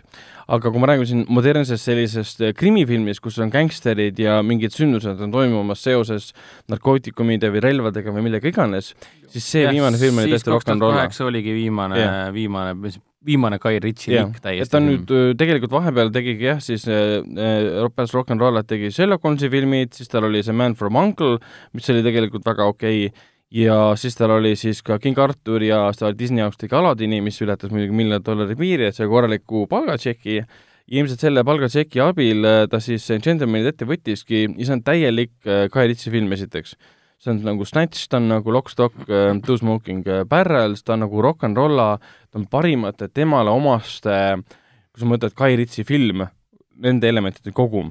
Aga kas ta on, kas ta nagu, sorry, ma vahele segasin, et kas ta nagu tüüpiline selles, selles suhtes, et äh, sul on äh, kaks gängi, kes omavahel vaenutsevad eriti, eriti noh, julmalt ja, läbi erinevate twistide või on ta rohkem selline film nagu mis võju, võib mõjuda kohati umbes niimoodi, et kui sa väga palju tähele ei pane, siis võib midagi kahe silma vahele jääda, niisugune keerukas gängsteri omavaheline jagelemine või on ta pigem niisugune straightforward ehk siis sirgjooneline? mitte ka seda, ta ei ole, ta ei ole tegelikult äh, kahe mingisuguse mafioosniku ja nende käsilaste omavahelisest võitlusest wow,. spoiler, aga okei okay.. Aga see ei ole spoiler, see on pigem see positiivne element. minu jaoks on see positiivne, sest treilerid on mulle mõista, et meil on yeah. kogu filmi aja meil Henry Golding versus äh, see McConaughey. on, ei, mina olin üllatunud, selle ma ütlen rahulikult välja, et ta ei ole tegelikult kohe mingisugusest äh, Londoni või sellise Briti äh, äh, ähm, suurema linna gängi omavahelises võitluses territooriumi pärast, et ta ei ole nagu nii selles mõttes nagu klassikaline äh,. mis, mis ta tegelikult on, on, kuna siin on mängivad näiteks Matthew McConaughey on ühes põhirollis Charlie Hunnam ja ja Golding Golding. juba sai mainitud ja siis muidugi Downton Abbey Michelle Dockeri, see on väga lahe. ja Hugh Grant näiteks äh, mängib seal ühte ajakirjanikku ja Charlie Hunnam teeb lihtsalt nii fantastilise rolli, see näitleja lihtsalt mulle suurepäraselt meeldib ja Guy Ritchie oskab teda ära ma kasutada saan. aru, et Colin Farrell teeb ka umbes sellise rolli, et väga meeldiva rolli. ar armu ära või? Et ongi tegelikult Hanna, okei okay,, mitte Hanna võib-olla, aga siis Hugh Grant ja Colin Farrell teevad filmi parimad rollid. Charlie ka siis? Eh, no Charlie ja Matthew McConaughey ka. Matthew McConaughey puhul on see, et tema on, ta, ta mängib seda tüüpi, keda ta on varem mänginud. ehk siis ta mängib Matthew McConaughey't aga ta teeb seda nii hästi. Naudingu, aga lihtsalt Hugh Granti ja Colin Farrelli puhul on see, et sa ei tunne neid tüüpe ära. et võib-olla Colin Farrell, ta lõbutses viimati sellises rollis niivõrd palju, kui ta oli võib-olla selles Martin, Martin McDonough, oli Martin? jah, Martin McDonough siis selles Aa, In, In Bruce'i filmis aga siin samamoodi, aga lugu tegelikult ongi, saabki alguse sellest, et sul, sul nagu ajakirjanik tuleb Johnny Hannami karakteri siis ukse taha ja ütleb, et tema tahab nüüd saada meeletut summat, muidu ta läheb siis oma bossi juurde, toimetaja juurde ja räägib kõik ära, mis vahepeal juhtus. ja siis saab ka alguse see, et kus ajakirjanik hakkab otsi kokku tõmbama, rääkima ära, mida tema teab, mis juhtus, siis meie näeme ka, mis juhtus. me näeme ära Matthew McConaughey siis gängsteri äh, kes on gängsteri boss, lugu, äh, mida tema tahab elult, mis konfliktidel tekivad, Henry Goldingu, see on sellise, mis see oli, looju päike või midagi laadset mafiaga, tekib temaga konflikt. Ja seal ongi see, seal on mingid suured sündmused toimunud, film algab kohe teatava suure sündmusega ja siis tuleb Hugh Granti ajakirjanik sisse ja hakkab siis Charlie Hunnamile rääkima, et ma tean täpselt, mis juhtus, Hunnam muidugi ütleb, et sa ei tea mitte midagi, aga sa võid mulle siis rääkida, kui tahad ja hakkab jutustama. see on kõige lahedam element on see, et ta sõna otseses mõttes Hugh Grant äh, paneb lauale filmistsenaariumi, ütleb, et mulle on pandud äh, kõik lugu valmis kirjutatud, ajakirjanduslugu, aga ma tegin ka siis stsenaariumi ka valmis, et sellest saab filmi ka teha, kui tahad. ja see on siis film filmis element. Ja see on tegelikult juba algustiitrite puhul, mis on vapustavad algustiitrid, lihtsalt nagu James Bond äh,, James Bondi filmide algustiitrite stiilis, aga isegi parem. ja vapustava loo, loo, loo taustal ka ja see juba seal algustiitrite taustal graafika sees käib filmilint läbi ja sa mõtled, miks see filmilint seal on?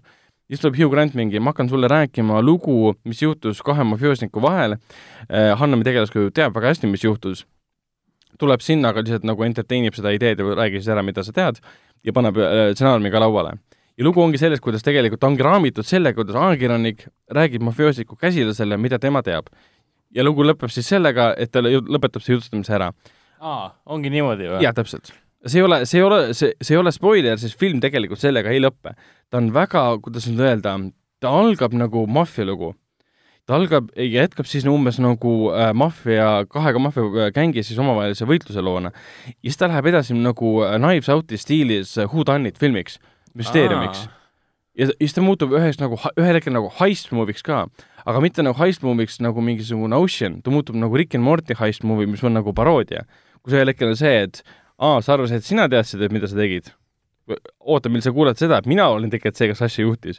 siis tuleb kolmas tüüp, mina olin see, kes asja tegelikult juhtis, neljas tüüp, mina olin see, kes asja tegelikult siis juhtis. ta viskab nagu sellesse äh, Briti krimi, stiilsesse krimipõnevikku või siis krimi põnevuskomöödia žanrisse väga palju vimkasid sisse nii-öelda, omaenda, omaenda populariseeritud žanrisse nii-öelda. et ühelt poolt lihtsalt sa vaatad, et äh, Briti filmiklassik Guy Ritchie äh, on vanuses, kus režissöör tihtipeale hakkab muutuma enese reflekteerivaks en-, ennast nagu oma tööd reflekteerivaks. ühel hetkel liiga, liiga või siis parajal hulgal ka metaks muutuda. jah, ja see ongi, metaelement ongi olemas, et sul on nii-öelda film filmis, sul on tüüp, kes jutustab lugu ümber, mida ta on juba filmis kirjutanud ja siis sa saad, kõik need sündmused toimuvad ära ja siis ühel hetkel sa vaatad, issand, ma vist äh, aimasin, mis juhtub siin, aga tegelikult siis kogu aeg tõmmatakse mingi neli vaipa alt ära ja sulle ei jagata kogu infot, see on täpselt nii on Knives Out'i puhul, et sa, mingi info sulle antakse, hiljem saad uue info teada, mis tekitab täiesti uue vaatevinkli kogu asjale. mina soovin väga cool. on, ma ei, ma ei taha tema kohta väga palju spoilerdada, sest ei, ei, ma ei tahagi, ma ei, selles mõttes, et mind kõige rohkem üllatab see, vaata, Guy Ritchie mulle väga meeldib, ma olen enamikku tema filme näinud, eriti tema algusaja filme ka aga mul oli treileri ja kõige selle põhjal tunne, et okei okay,, see peaks olema niisugune ülistiilne, lõbus, väga lahedate tegelaste on. ja karakteritega, aga, aga, aga ma kartsin, et see film on, ei olegi midagi muud kui seda, et äh, Matthew McConaughey gäng versus Henry Goldingu gäng. aga nüüd sinu jutu puhul tundub, et äh, selle filmi reklaamlause kriitikutelt võiks olla justkui seda, et äh, midagi, midagi, midagi väga-väga palju enamat kui yeah. lihtsalt Guy Ritchie teeb tagas yeah., taas krimifilmi. ta on täiesti see, ka seda, et Guy Ritchie teeb taas krimifilmi, aga samal ajal ta on nii palju enamat. ja ta on nii tore, ta on nii lõbus, ta on nii stiilne, näitlejad naudivad, ta on nii positiivne selle koha pealt, et äh, nagu õpetab noortele ka, et lõpetage heroiini tarbimine ära, et vaadake oma elu ja minge nagu edasi. siis sul peategelane, see, no üks peategelastest, siis Matthew McConaughey, milles tema maffia impeerium seisneb, ta müüb kanepit, see käib treileris ka läbi. ja, ja ta täiesti ütleski, et eh, mina, mina müün eh, Sweet Mary Jane'i. mis ei Eks- tapa eks- ühtegi jah. inimest ja ta, sellega on teinud ülirikkaks saanud sellega, nelisada miljonit väärt ettevõtmine. aga tal ongi see, et see on kanep. Ta ise ei tarbi seda, aga ta teab, et keegi teine ei sure sellest ka. ja filmis ongi vaieldav, et teatavad monoloogi, no kanep jah on, ju gateway drug to heroin. nojah, aga seal teatavad ongi niisugused monoloogi momendid ka, kus Hannomi tegelaskuju satub mingitele pättidele peale, kes imevad mingit öö, oma, süstivad mingi ta, nende, nende lusikate pealt mingi keedetud seda sitta sinna sisse ja siis ta hakkab neile monoloogi pidama, et jah, aga miks teil on heroiini vaja, et leidke endale väga hea sõber, kellega rääkida, kui tahate oma probleemidest rääkida. ja sa vaatad, mõtled, millest sa räägid, aga samas see tegi-, ah, siin tekib see positiivne sõnum, kus filmitegija lihtsalt ise annab ka mõista, et ma ei ürita rihvida või ma ei ürita nalja teha või ära kasutada narkomaaniat või kuritegevust või kõike seda ja vägivalda, ma üritan sellest nagu anda mingit positiivset sõnumit edasi. see mulle väga meeldis see on niisugune progressiivne mõte, et on aasta kaks tuhat kakskümmend ja umbes niimoodi, et kuulge, tänava päris noored eh, või siis kes iganes, kes kasutab liiga palju eh, narkootikume, et äkki on aeg edasi liikuda või? ja kes ikka veel heroiini Jah, tänaval teevad, hull, lulliks ette läinud. aga siin on vist mingi väga suur erinevus ka muidugi selle Bad Boys kolmandaga, kus siis äh, Markus Burnett selle tüübiga kakeldas treileris ka, et I will penetrate into this, this man, man's Ah, heart nii-öelda soul. ehk siis see suurim erinevus on see, et üks on nali ja teine on hästi tõsine teema. Äh, tõsi, aga Gentlemanid ei ole ka absoluutselt nagu selle, selles mõttes tõsine film. tõsisem kui Bad Boys või? jah, ta on väga-väga naljakas, ikka korralikult humoorikas ja kõik see enamus see nali tulenebki nendest pisikestest momentidest, mis on Guy Ritchie filmidele omane. näiteks seal, ma võin üks, ilma spoilerdata üks näide, seal siis mafioosniku käsilased saavad noortelt peksa. aga see on, koht on lavastatud niimoodi, et need mafioosniku käsilased tunduvad nagu karmid vennad olevat ja tulevad noored, kes on maskides, tunduvad, et nemad ei saa äh, võita. ja siis sulle seda võitlust ei näidata. hiljem saad teada, et kõik need karmid vanad, vana, vanakooli mafioosnikud saavad räigelt peksa ja läheb siis bossi juurde, jaa, me saime räigelt peksa, me nägusid ei näinud, aga nad olid väga hästi treenitud ja tõesti nagu impressive, et nagu väga-väga äh, vapustavalt äh, treenitud tüübid ja väga ägedad liigutused olid neil ja nagu leiti see aeg, et kiita. siis boss mingi, jaa, ma saan aru, jää vait, mine minema nüüd. See tuli sinna, jaa, me saime tappa, aga nad on väga ägedad võitlejad tegelikult, et respekt, mad respect nagu. ja siukseid hästi palju siukseid pisikesi momente, et ei ole lahe. puine tõsine, mina olen mafioosnik, mina võitlen nüüd temaga, sina oled minu käsilane, ära mind reeda, seda siin ei ole. et niisugune, kuidas selle kohta öeldakse, Guy Ritchie romp, enes- eh,, oma filme reflekteeriv Guy Ritchie romp, mis on kohati niivõrd keeruline selle koha mis see pealt, romp peaks tähendama no? romp ongi see, et nagu tema stiili film või selline äh, kuidas nüüd öelda, Guy Ritchie flikk võiks selle kohta isegi öelda võib. ka nii öelda, täpselt. aga ta muutub ühel hetkel tõesti nagu, tõesti nagu, nagu Guy Ritchie'lik Guy Ritchie, et noh. jah, aga kuna ta muutub Nice Out'i, mis on see äh, Rian Johnsoni ja siis Danny Craig'i film, mis vahepeal tuli kinodesse, mis mulle väga meeldis, ta ongi selles stiilis muutub nagu who done it'iks, nagu müsteerium, kes seda tegelikult siis tegi. siis oled seal kinos viimased pool tundi, oota, mis asja?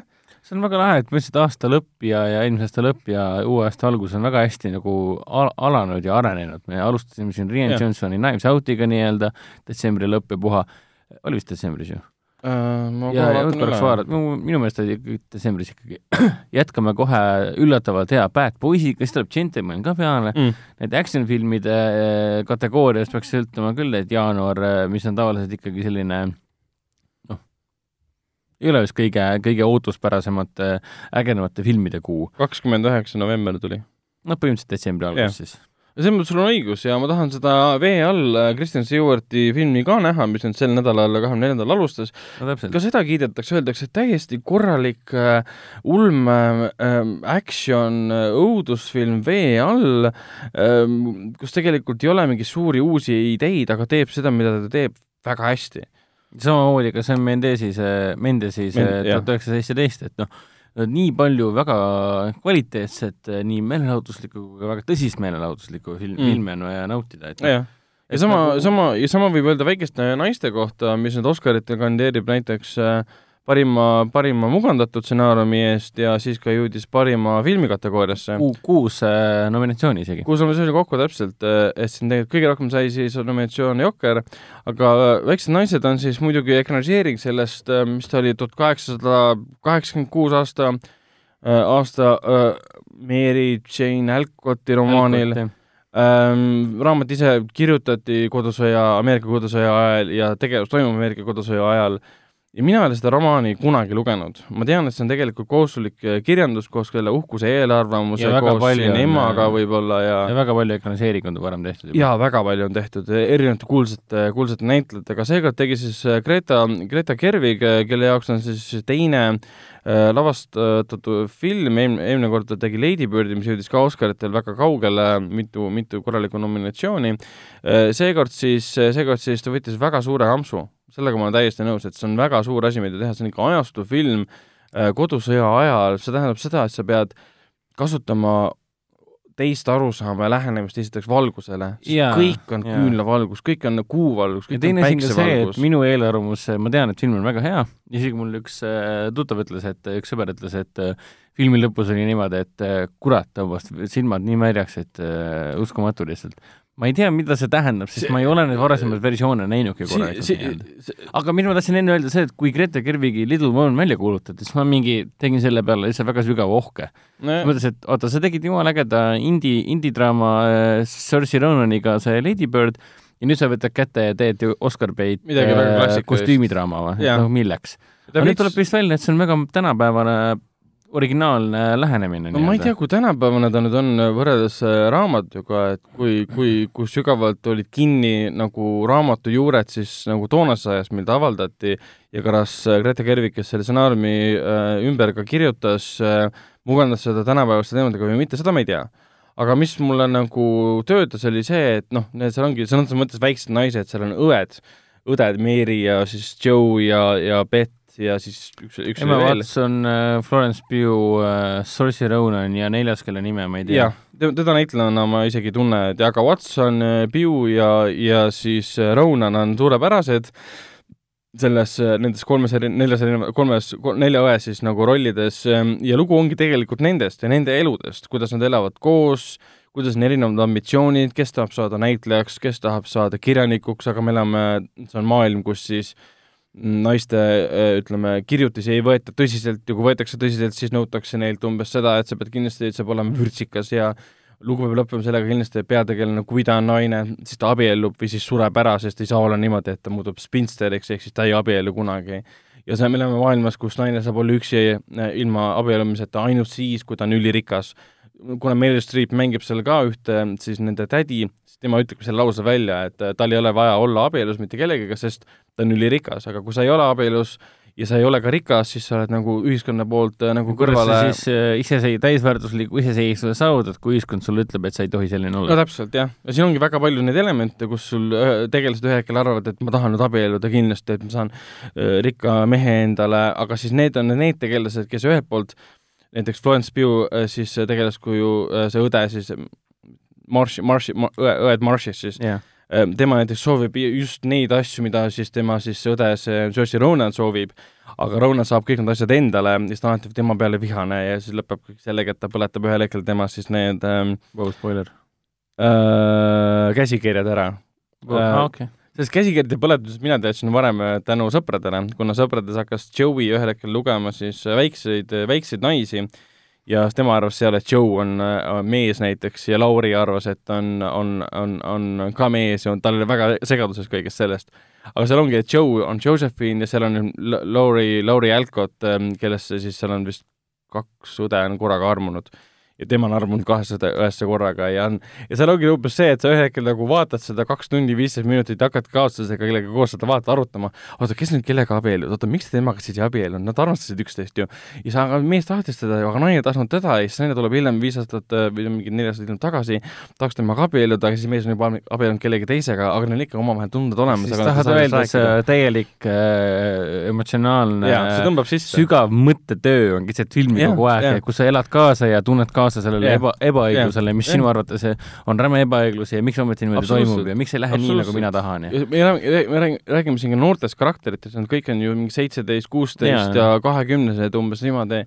Ja Timotei Salamedega on nagu sama vana kui no, Marshid ja no täpselt jaa, et me räägime siin nagu seisvuse tõstmisest läbi selle, et sa abiellud mehega võib-olla mitte sellepärast, et sina teda armastad, vaid sellepärast, et tema sind armastab, et sa tahad, et sa oleks armastatud aga siin äh, Laura Dern mängib siis nende õdede ema ja tema ütleb ka neile, et tegelikult sa peaksid abielluma sellepärast, et sina, sina armastad teda ja tema armastab sind, mitte sellepärast, et sa saad selle tunde kätte, et keegi sind armastab. ja, see oli treileris ka, kus siis Saoirse Ronan peab seda monoloogi, ütleb, et et naised on ikkagi iseseisvad inimesed mm., mitte lihtsalt äh, aitab küll sellest meestest ja naiste eristamisest, noh, ma olen ikkagi naine ja mul on kõik see, mul on, minus on kõik see, mis ma tahan, et ta oleks ja mina mõtlen ise ja tegutsen ise. naised pole loodud selleks, et olla armastatud. Jah, täpselt, see on tegelikult väga hea lause. ta ütleb, see on nagu nende Hollywoodi loll- lollides äh, romantilistes komöödiates, kus äh, peategelase, targa intelligentse naistegelase, naispeategelase eesmärk mm. elus on mingi väga suur eesmärk, aga ühel hetkel tuleb mingi mees mängu ja siis kogu eesmärk kaob ära ja unistused Jah. kaovad ära ja ainult mees jääb alles ja see on jumala okei ei selle ole- ole- Hollywoodi komöödia ei ole arvates. nii, et inimese elus saab olla puudu ainult äh,, ainult armastus või tal ongi ainult armastust vaja ja tööd, haridust, mis iganes, katust pea kohal pole vaja.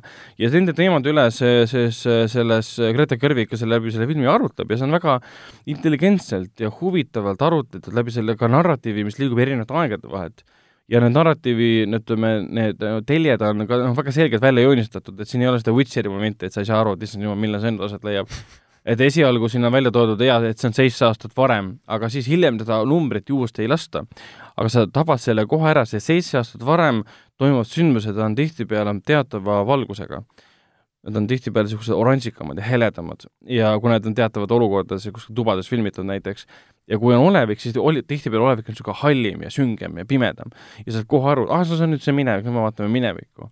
ja, ja soovitan tõesti minna kinno ja nautida, sest ta on nauditav, ta ei ole mingisugune seebikas selle koha pealt, kui keegi nüüd mõtleb, et aa, kes nüüd kellega abiellub, kes nüüd keda armastab, ei, see on tundle, tundeline ja tundlik ähm, inimeste nii-öelda tavalist, tegelikult väga tavaline, need pole mingi õukonnadaamid, neil pole raha palju, neil pole vahendeid läbilöömiseks, nad peavad tegema sa- samamoodi väga palju tööd nagu kõik teised inimesed.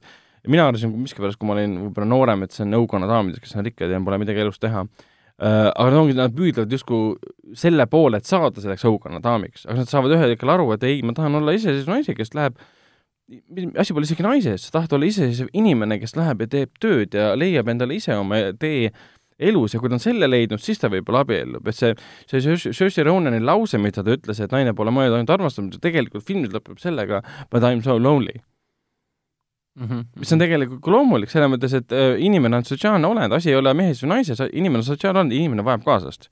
Inimene vajab mingil kujul armastust, ma ei räägi siin mingi seksuaalset armastust, romantilist armastust, ja, ja siin võib, võib, võib võrdluse tuua sellesama äh, Final Space'i või siis of the Galaxy'ga. Jah. Mik-, miks inimestele meeldivad need kaks asja, Final Space ja of the Galaxy, sellepärast, või siis Firefly mm. sest see on üks suur meeskond, kes on nagu perekond ja nad No kõik täpselt. armastavad teineteist, sest sa kuulud kuskile, sa oled väärtuslik mm. osa, sa tülitsed, sa armastad, sa, sa, sa sõbruned uuesti ja nii edasi, aga kas see tähendab, tähendab seda, et sa oled osa nagu ühiskonnast, sa oled täielikult osa sellest mm. Ja sa äh,, sul on, koos on ühised eesmärgid ja miks inimestele see meeldib, sest igaüks tahab olla samasugust, nagu meie enda sõpruskonnad täpselt. ja nii edasi, et noh, inimesed tunnevad ennast täisväärtuslikuna, Jah, nagu nad jah. saavad koos nautida neid asju, mida ka teised naudivad., ja siin see õdede kaudu tuleb see ka välja tegelikult, et see, et üks õde, see on siis Ronan äh, äh, kes on siis kirjanik ja on tegelikult väga hea kirjanik, aga kogu aeg kahtleb iseendas, sest keegi ütleb talle halvasti ja siis ta loobub kirjutamisest ja kõik see, tal ongi see, et üt- ütleb ühel hetkel oma õele, et ähm, Emma Watsonile siis, et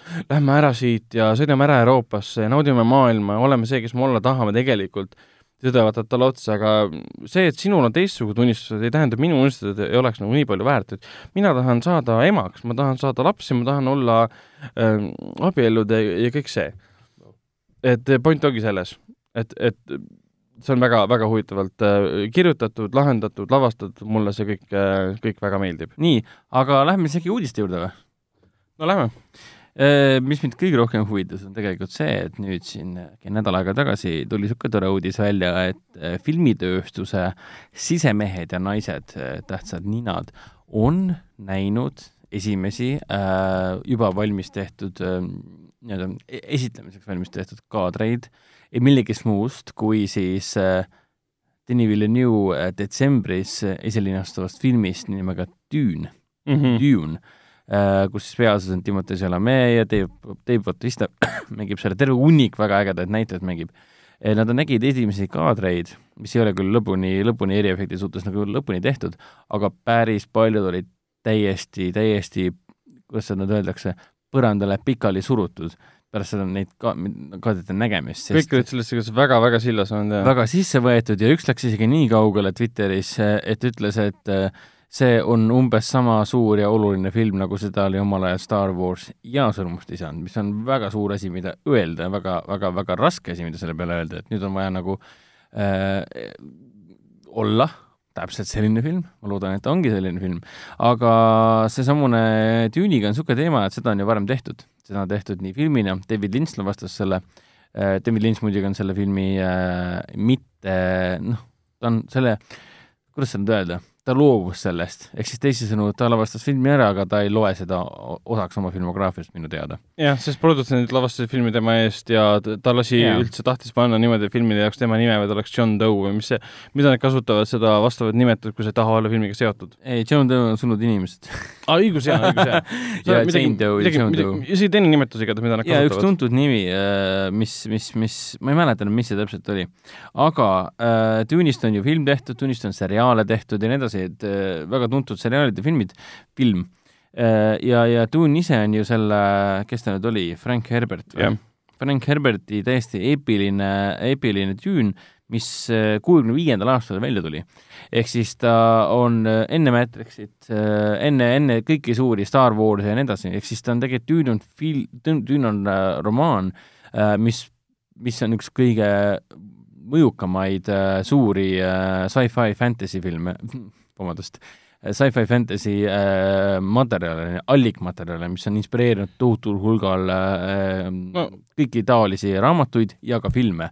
omal ajal tahtis ju Alejandro Jodorowsky tahtis sellest ju Dune'i teha, filmi teha ah,, sellest, sellest midagi välja ei tulnud äh,, ometigi, mis sellest välja tuli, see, et kuna ta pani kokku niivõrd suured ägedad äh, meistrimehed ja naised, siis tänu sellele, osaliselt tänu Düünile sai alguse ka tulnukas näiteks. jah, sest äh, need stsenaristid, need kunstnikud, need produktsioonidisainerid, need äh, režissöörid ja assistendid, kes nende, Alejandro Jodorowsky siis, kes on siis El Topo ja siis Monte Holy, Holy Mountain Racer äh,, seda projektiga mitu-mitu aastat tegid seda, kõik see et mõjutused tulid üle. täpselt kõik need ideed ja kunstilised lähenemised, mis nad äh, Düüni jaoks välja mõtlesid, see on nüüd siis nii-öelda filmitööstuse sees olles mm. äh, mitte re-, ebarealiseerimata, on ta mõjutanud aastakümneid juba äh, ulme- ja fantaasiafilmide väljanägemist nii-öelda, stilistikat isegi.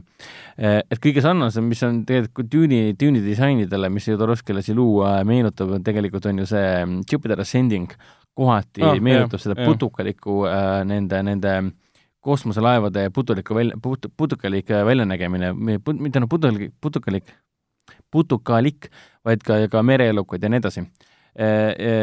Tundub, et detsember tuleb erakordselt uus ja põnev ja. Äh, meie jaoks. selleni on veel aega, aga mida siis sammune Denis Villeneuve, äh, Denis Villeneuve tuletan meelde, et ta on ka Prisoneri režissöör, ta on äh, Blade Runner kaks tuhat nelikümmend üheksa režissöör. Incendis Pris-, äh, Incendis. Mis see, Enemy, Jake, Jake, Jake Gyllenhaaliga. täpselt nii ja mis ta veel tegi, Sicario esimene ja, osa. Sicario esimene film, jah. Äh, ja tema hiljuti rääkis, et ta hea meelega läheks tagasi Blade Runneri maailmasse. aga mitte, mitte siis, mis see, mis see konks oli tal? konks oli see, et ta läheb maailma, hea meelega läheks tagasi maailmasse mm, -hmm. aga ta ei jätaks rahule äh, tegelikult kogu selle Harrison Fordi äh,, Harrison Fordiga alguse saanud Blade Runneri sisu et ta pigem istuks sinna maailma ja teeks seal midagi uut ja põnevat, mitte ei teeks sellele järje, umbes nii, nagu Star Warsiga on tehtud. teeme kogu aeg järje, teeme kogu aeg järje, hoiame kõike elus ja nii edasi. tema hea meelega läheks ja avastaks seda maailma teistest külgedest, mis on väga tervitatav. niimoodi peakski järgesid tegema. muidu on see, et no oota veel kolmkümmend aastat ja siis tee järg, siis on loomulik aeg teha järg, aga kui, kui sa teed nüüd mõni aasta pärast teist osa tahad järje teha, siis tõesti, tee uus lähenemine sellele maailmale, uus tegelane, kas mineviku lugu, mis iganes, see ei pea olema tingimata agent K järg või kuidas see muutub nii sarnaseks, sa võtad uue karakteri, kes avastab jälle mingi suure saladuse. no see ei ole, noh, see ei ole enam huvitav, see, kui sa teed sama asja uuesti ja uuesti ega, ega Blade kaks tuhat nelikümmend üheksa ei teinud uuesti uuesti. nii, aga rääkides ka, ka, kurbadest uudistest, eh, siis eh, kes suri vahepeal, suri Monty Pythoni üks alustaladest, Terry Jones. jah, ta oli, mis ta oli, seitsekümmend seitse? seitsekümmend seitse ja vaeseke oli kannatamas ka dementsia käes. jah. et siis äh, täiesti legendaarne mees äh, on juba meie hulgast lahkunud äh,, aga samas mis seal ikka, Monty Python ja Terry Jones ja Terry Gilliam ja, ja kõik teised liikmed Michael Palina, nad on nii palju meie, meie kult-, ühisele kultuur, kultuuriruumile andnud, olgu selleks siis Lendav tsirkus või siis Life of Brian, mida siis kinoklassika eriprogrammis sai näha eelmise aasta aprillis jah, ja samamoodi ka Holy Grail äh,, olgem nõu- no,, olgem, olgem äh, täpsed, on holy fuck kui hea film. Et äh, Terry Jones'ist on küll kahju, aga Holy Graili me saime äh,, ei mitte Holy Graili, vaid äh, Life of Brianit me saime näha ka Foorum Cinemas äh, kinoklassika raames nüüd, hiljuti. ja täpselt, et ja see oli ikka hullult, hullult pööraselt naljakas asi Mm. mida uuesti kinoekraanil nüüd vaadata, täissaal ka ja kõik täiega nautisid. jah, Terry Jones'ist on muidugi kahju, aga mina isiklikult ei teadnud seda, et tal on äh, dementsus oli ja ta selle all nii pikalt kannatas. ma olin kuulnud, et ta on haige, aga ma ei tea, mis see konkreetselt on. jah, aga samas tead, elutöö kui selline on talle märkimisväärne ja äh, komöödia ja, ja filmiajalukku on ta kirjutatud, mm,. ehk siis kindlasti ajalugu teda mitte kunagi ei unusta. mm. -hmm. aga uudistest veel räägime nii palju, et Netflix äh, plaanib siin stuudio Miriga äh, koostöös, kusjuures äh, stuudio Mir oli seesama stuudio, kes siis tegi Kipo, Age of Wonder Beast ja siis selle Avatar The Last Airbender lisa siis uue tegelasega mitu hooaega jutti leidnud Leidnud korra. stuudio Mir äh, teeb siis koos Netflixiga Witcherist, Witcherist seriaali, animeseriaali või animefilm Nightmare of the Wolf, mis avab siis seda maailma teise nurga alt, et võib-olla me näeme äh, lühilugu või sellist äh, üksikut missiooni, mida Geralt, Geralt läbi viib. ehk siis kuna kõik on väidetavalt nii sillas äh, nõidurist ja see on nii populaarseks saanud, siis mõni ime, et enne kui teine hooaeg saabub, nad teevad justkui lisaepisoodi sinna vahele, et rahuldada kõiki rahuldamatut fänne, kes tahavad aina rohkem ja rohkem nõidurist Jah. saada. mis on ka täiesti arusaadav, sest Witcher on hästi populaarne praegu.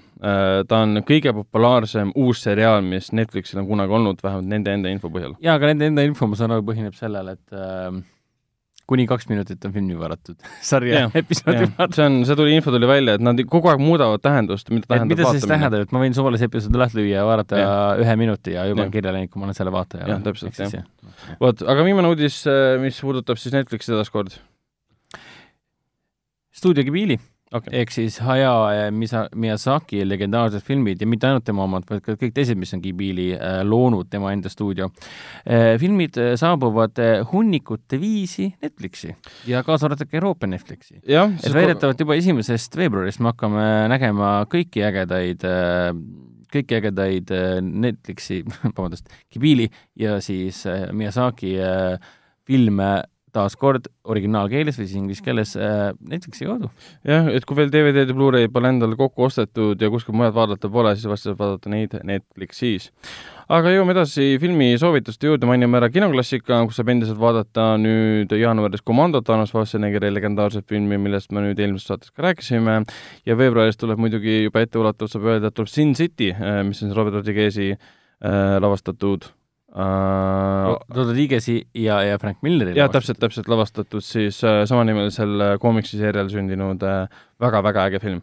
ja Äh, esilinastus on müügis siis viiendal veebruaril ja loomulikult Iceland saalis, sest kus mujal vaadata, kui mitte seal. täpselt äh,. kinodes, nagu me mainisime, alustavad sel nädalal Gentlemanid, väikesed naised, aga mida me ei ole maininud, et äh, alustavad samamoodi ka siis Eva Greeni äh, ulmedraama, kosmosedraama. kosmosedraama Proxima, Kristjan Stewarti õudusfilm Vee all, samal ajal tuleb vene film Mitte ideaalne mees see on komöödia robot-poiss sõbrast. jah, ja kinodesse jõuab ka siis Tšiili film, Pablo Lar- Larraini uus film Ema ja siis ka prantsuse, prantsuse komöödiadraama Catherine Deneuve'ga Palju õnne sünnipäevaks. ema on siis hea üllatus ju kõigile, et ta kinolevisse jõuab sellepärast, et ta ju jooksis meil ka siin PÖFFil ja nüüd Jah. on õige aeg seda uuesti vaadata või siis esimest korda näha. täpselt, kes PÖFFil ilma jäi. täpselt, Netflixi soovitame vaadata What did Jack do, mis on siis David Lynch'i lavastatud äh, film, kus ise mängib äh, peaosa. Lühifilm täpselt, kus ta siis kuulab üle ahvi. Mina pole seda vaadanud veel, aga ma olen meeme näinud. ja lisa- lisaks jõudis Netflixi siis ka Rise of Empires Ottoman, mis räägib Ottomani impeeriumist, aga kuna seal teeb kaasa Charles Dance, siis seda peab kindlasti vaatama. mis keeles see sari on? Inglise keeles, nagu Okei. ikka uh,. siis te- Telia HBO soovitan kindlasti vaadata The Outsider ehk siis kõrvalseisja, millest on kolm osa väljas, kõik on suurepärased olnud. Amazon Prime videosse jõudis nüüd Star tracki uus seriaal Star track eh, Picard, kõik, kõik saavad, saavad, seda Eestis vaadata. Apple TV-s pole taaskord mitte midagi uut tulnud äh, peale nende erinevate skandaalide, mis puudutavad nende filme, aga Apple TV plussis on olemas siis äh, Jason Momoa seriaal C ja siis Steve Carelli ja siis ähm, Morning Show. Racheli, Racheli Morning Show. Jennifer Aniston, jah. ja siis muidugi see oli praegu Rachel ju. ja, ja. ja siis äh, For All Mankind, mis on muidugi Ron, Ronald Timur, Ron Timur, igatahes ähm, Battlestar Galactica looja uus ulmeseriaal ähm,. seal oli peaosas, kes Joel või? Joel Kinnaman, jah Jah.. ja siis Servant, mis sattus vahepeal väga suure ähm, katastroofi äh, ja äh, plagiaadisüüdistuste kätte. aga sellega loemegi saate saateks ja kohtume järgmine kord loodetavasti koos Heleniga, kui ta on juba tervemaks saanud. teeme nii, okei okay., tšau. olge mõnusad.